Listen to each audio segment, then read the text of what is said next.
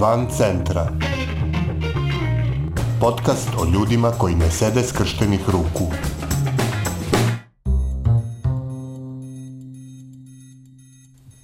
Vi slušate 44. epizodu podcasta Van centra, koji prati napore ljudi iz cele Srbije da poboljšaju kvalitet života u svojim sredinama. A da ne sede skrštenih ruku, građane najviše motivišu situacije u kojima moraju da štite svoja egzistencijalna i socijalna prava. U tom pogledu, među posebno ugroženim grupama su svakako mladi roditelji bez ekonomske stabilnosti, pogotovo ako su samohrani roditelji. Grupa upravo takvih roditelja iz cele Srbije, suočenih s nedostatkom informacija o raznim problemima s kojima moraju da se nose u ovoj zemlji, pre 15 godina osnovalo je Udruženje roditelji sa sedištem u Zemunu. Ideja vodilja osnivačica udruženja jeste da roditeljima olakšaju život gde god je to moguće, te da tako smanje psihološku cenu roditeljstva.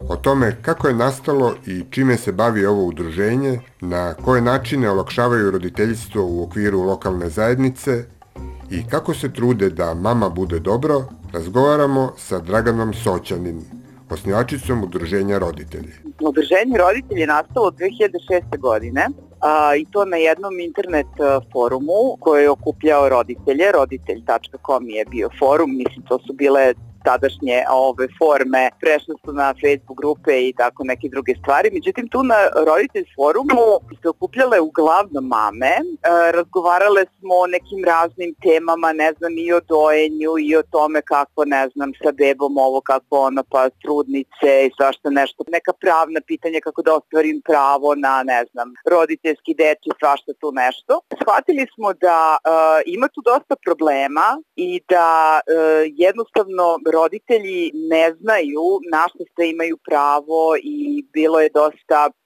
u tom trenutku žena koje su se porodile pa su dobile ni ne dobila otkaz, zapravo nisu se vratile na posao. Ne postoji taj neki sistem koji bi tebe kao korisnika bilo kog prava obavestio šta ti treba da radiš. Videle smo da u Hrvatskoj postoji udruženje roda koje je isto tako nastalo na forumu i koje pruža roditeljima u Hrvatskoj tu vrstu informacije. A, tako da je nas bilo u tom trenutku nekih 14-15 osnivačica, uglavnom žena. Među roditeljima smo tu našli i ne znam, bila jedna novinarka i pravnica i neko ko je održavao ove, neke sajtove, znači gde smo mogli odmah da napravimo neki sajt. Bilo je tu žena iz raznih krajeva Srbije, ne samo ove, iz Beograda. Mi smo u početku hteli da to bude onako jedno udruženje gde imamo mi što više članova, i čak vrlo brzo u toku prve godine dana smo dobijali i zahteve da recimo se osnuju ogranci. Mi smo imali neko vreme čak 15 ogranaka u Srbiji Imali smo dosta veliku podršku od samog početka, recimo od građanskih, zato što mi smo prosto videli da su oni neka organizacija koja može da pomogne ovako u nekom uh, smislu da ih pitamo e, a kako sad ovo, a kako sad ono uraditi. Uh, u suštini shvatili smo da ne možemo mi da budemo, da zastupamo sve roditelje u Srbiji, nego da budemo sa što većim brojem roditelja u kontaktu svaki dan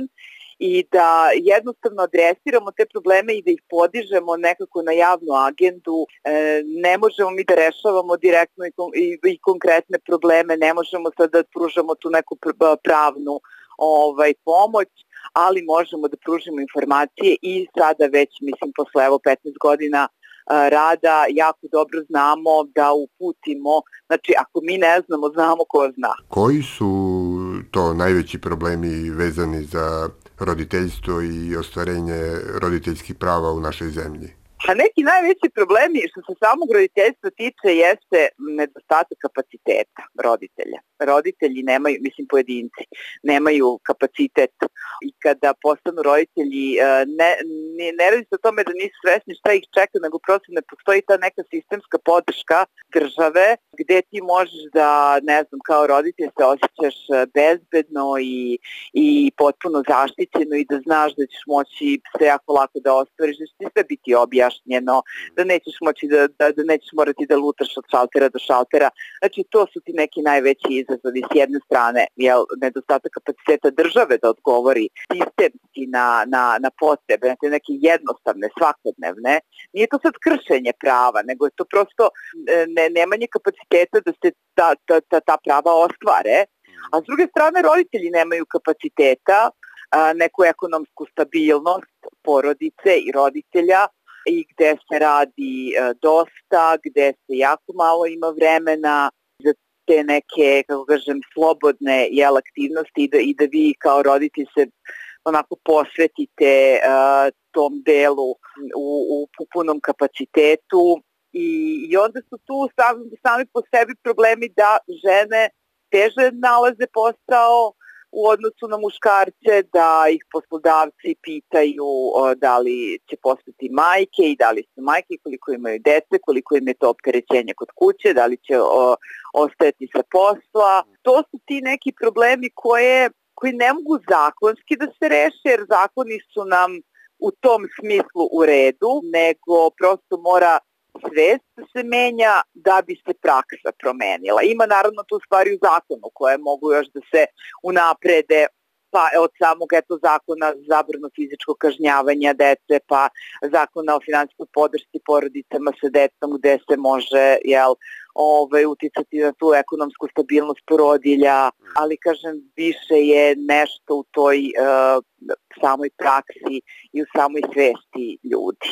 Pretpostavljam da svi problemi koje smo pomenuli e, i svi ti izazovi koji postoje, da je to sve dodatno još komplikovano u situacijama sa samohranim roditeljstvom. E, mislim, jednoroditeljske porodice su baš onako dosta opterećene i to je ta jedna psihološka cena roditeljstva koja nekako mora za nju mora da postoji taj neki strateški pristup kako ona da se snizi. Mi smo istraživali i e, neke e, dobre prakse iz inostranstva i drugih zemalja gde recimo nisu samo usmerene te, ti programi podrške na jednoroditeljske porodice, nego generalno na, no, na roditelje gde vi imate te, te neke sastanke, a, imate mesta gde da možete da odvedete dete na igranje, a da se to ne plaće ili da se ne plaće nešto mnogo, pa ne znam, ono kao imate ja, pogotovo jednoroditeljske porodice imaju te neke vaučere za perionice veša, peglanje i tako te neke stvari koje bi im,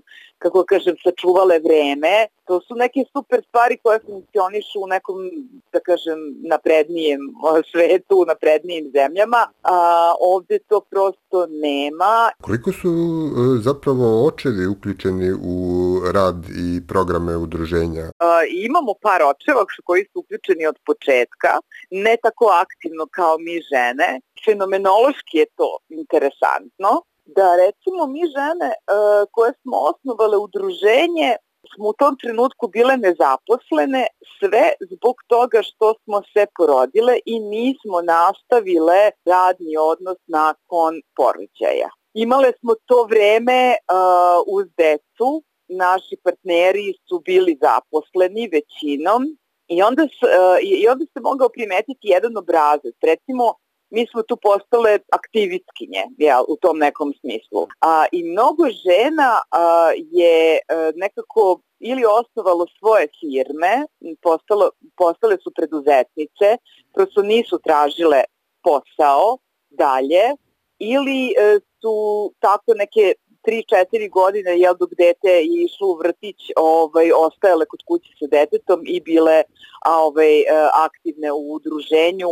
Mnogo mnogo žena zaista ostaje bez posla nakon ovaj uh, porodinskog, a eto mi smo bile te koje smo odlučile da nešto, kako kažem, uradimo. Imale smo u tom smislu podršku naših partnera uh, da ostanu sa decom, da kako kažem, kada smo mi već imale neke sastanke i kada smo, kada je trebalo da se angažuje.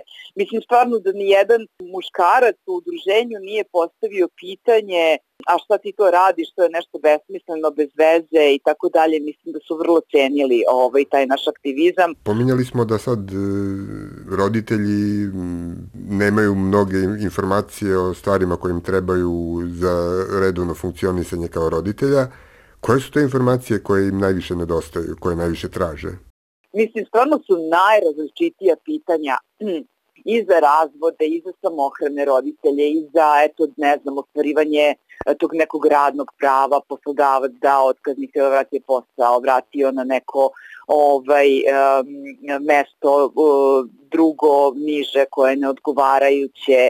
Javljaju nam se roditelji za pitanje nekog nasilja, recimo, javljaju nam se roditelji tinejdžera, šta da radimo, ne znam, u ovoj ili onoj situaciji. O, roditelj od, pa ne znam, pre par godina, sigurno 5-6 godina, ima i te psihološke radionice i one su pokazale kao jako dobre zato što su potrebne, a nemaju roditelji novca da idu ovaj recimo na terapija, a, a negde psihoterapija nije ni potrebna, zapravo nego im treba ovako savet.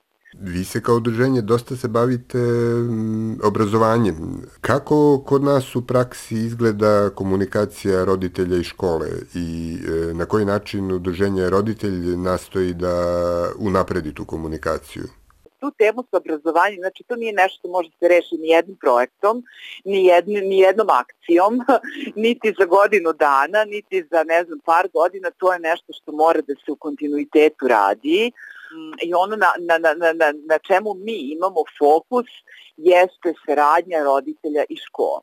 Uh, malo smo počeli više da se bavimo ovaj, zadnjih godina i participacijom učenika u školama, ali nam je primarno zapravo i ova saradnja roditelja i škola, zato što tu postoji ta jedna podela i postoji taj jedan jaz koji se čini nepremostiv. Bili smo jedni od inicijatora sa drugim organizacijama tih opštinskih saveta roditelja i pre nego što su u zakonu u, u ove donešeni.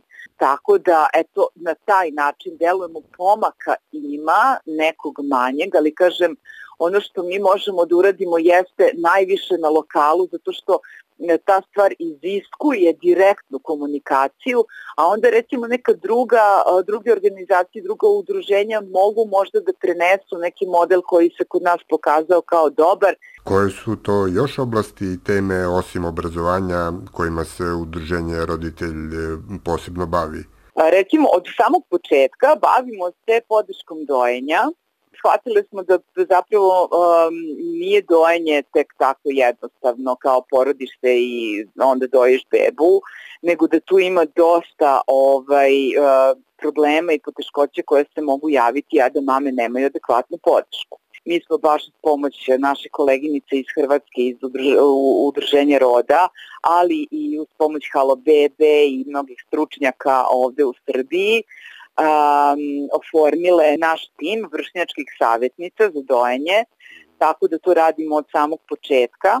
A, ono što m, takođe paralelno sa tim radimo imamo savjetovalište za a, autosedišta, što smo takođe ovaj, zajedno a, sa rodama radile, zapravo rode su nas iz Hrvatske obučile. A, naše vrstničke savjetnice za autosedišta a, pomažu roditeljima a, direktno, znači pokazuju kako treba nameštiti auto sedište u auto. Organizujemo često i preglede auto sedišta, to je potpuno besplatno, mogu da dođu roditelji ono sa, da dovezu auto i decu i auto sedište i onda će naša savjetnica da objasni kako da namesti, kako da ovo, kako da ne znam, ono do koje godine se vozi e, napred, obrnuto, suprotno smera vožnje i tako dalje. Mislim, ima tu dosta, dosta tih stvari. Među vaše redovne aktivnosti spada i e, zdravstveno prosjećivanje roditelja, e, kako u pogledu zdravstvene zaštite dece, tako i po pitanju zaštite majki. To su isto teme koje smatramo da su jako važne. Očuvanje ženskog reproduktivnog zdravlja, a i zdravlja dece. U tom smislu pa eto isto od 2006. godine da tada smo prvi put uradili neki, neku mini brošuru zajedno sa 5-6 domova zdravlja a, u Beogradu i razvojnih savjetovališta i tu smo uspostavili već prve kontakte sa različitim ovaj, e, lekarima, stručnicima, pedijatrima, sa instituta iz Tiršove i i ovako generalno iz drugih institucija. Ne dajemo mi nikakve medicinske savete, nego e, roditelje upućujemo i, kako kažem, često nam lekari pišu te neke članke ili kolumne ili ih mi sami intervjuišemo, recimo ne znamo o boginjama, o vakcinaciji najčešće prosto roditelji mogu da nađu na našem sajtu tekstove koji se tiču eto, različitih vakcina za različite stvari, ovih obaveznih i ovih koji su poželjne i e, gde mogu stvarno da nađu te neke odgovore m, koji su dali stručnjaci, a mogu u svakom trenutku i te stručnjake da kontaktiraju i to se stvarno radi u kontinuitetu. Isto se tako priključujemo kampanjama, pa i vodili smo kampanje ovaj, za prevenciju raka grlića materice, do duše ranije to bilo, evo ove dve godine pandemije, da kažem i nije, ali ranije je bilo da je dovedemo povremeno i stručnjake koje će da objasne majkama koje doje prosto kako ovaj, da da se i samo pregledaju i da se čuvaju zdravlje dojke koliko je, ne znam, dojenje, preventivno i zdravo i tako dalje. Vi imate i akciju zanimljivog naziva Da mama bude dobro. O čemu se tu radi? Pa to je jedan set radionica koji je upravo nastao eto, iz, bukvalno iz potrebe tokom o, ovih godina pandemije i karantina, mislim protekle godine. Javljale su nam se mame koje se porodile evo u ovoj pandemiji, u nekim strahovima, u karantinu, gde ne može da izađeš, gde, mislim, ili ostaneš samo kod kuće, ne može niko da ti dođe. Mislim, svima je nama to teško palo, a dodatno je palo teško novim majkama. Tako da je to jedan set radionica koji zapravo je ta jedna vrsta i vršnjačke i stručne podrške ovaj, mamama gde mogu da pričaju, da razmene iskustva, mislim se tom, kako kažem, ovaj, glavnom porukom da mama mora da bude dobro ovaj, posle cijelog tog jel, procesa da bi, da, i da bi se deca osjećala dobro i da bi svi oko nje bili dobro, mama prva mora da bude dobro. Koliko ima mesta optimizmu u pogledu unapređenja statusa i položaja roditeljstva u Srbiji u 21. veku? Što se tiče Srbije, nema tu neke velike razlike u odnosu na druge zemlje. Mislim da mi nismo zemlja koja a, može koja ima trenutno kapacitet i neće imati još dugo da sagleda m, realne probleme. Naša osnovna kritika u ovakvom uređenju jeste što se uvek priča samo o novcu. Nije novac. Jeste neka ekonomska stabilnost, ali sve okolo. Bila je ovo epizoda Van centra za 14. jul 2021. godine. Nove priče o ljudima koji ne sede skrštenih ruku moći ćete da čujete u sredu 21. jula. A umeđu vremenu, pridržavajte se mera zaštite od koronavirusa Čuvajte svoj i tuđe živote i ne ćutite pred glupošću i nepravdom. Van centra je autorski podcast koji se realizuje uz podršku građanskih inicijativa. Stavovi izneti u emisiji nisu nužno stavovi redakcije podcasta Van centra, niti udruženja građanske inicijative. Redakcija Tara Petrović, Miodrag Mrkšić i Aleksandar Gubaš. Urednik i voditelj Aleksandar Gubaš. Muzika i Logical Beat i Band Sound.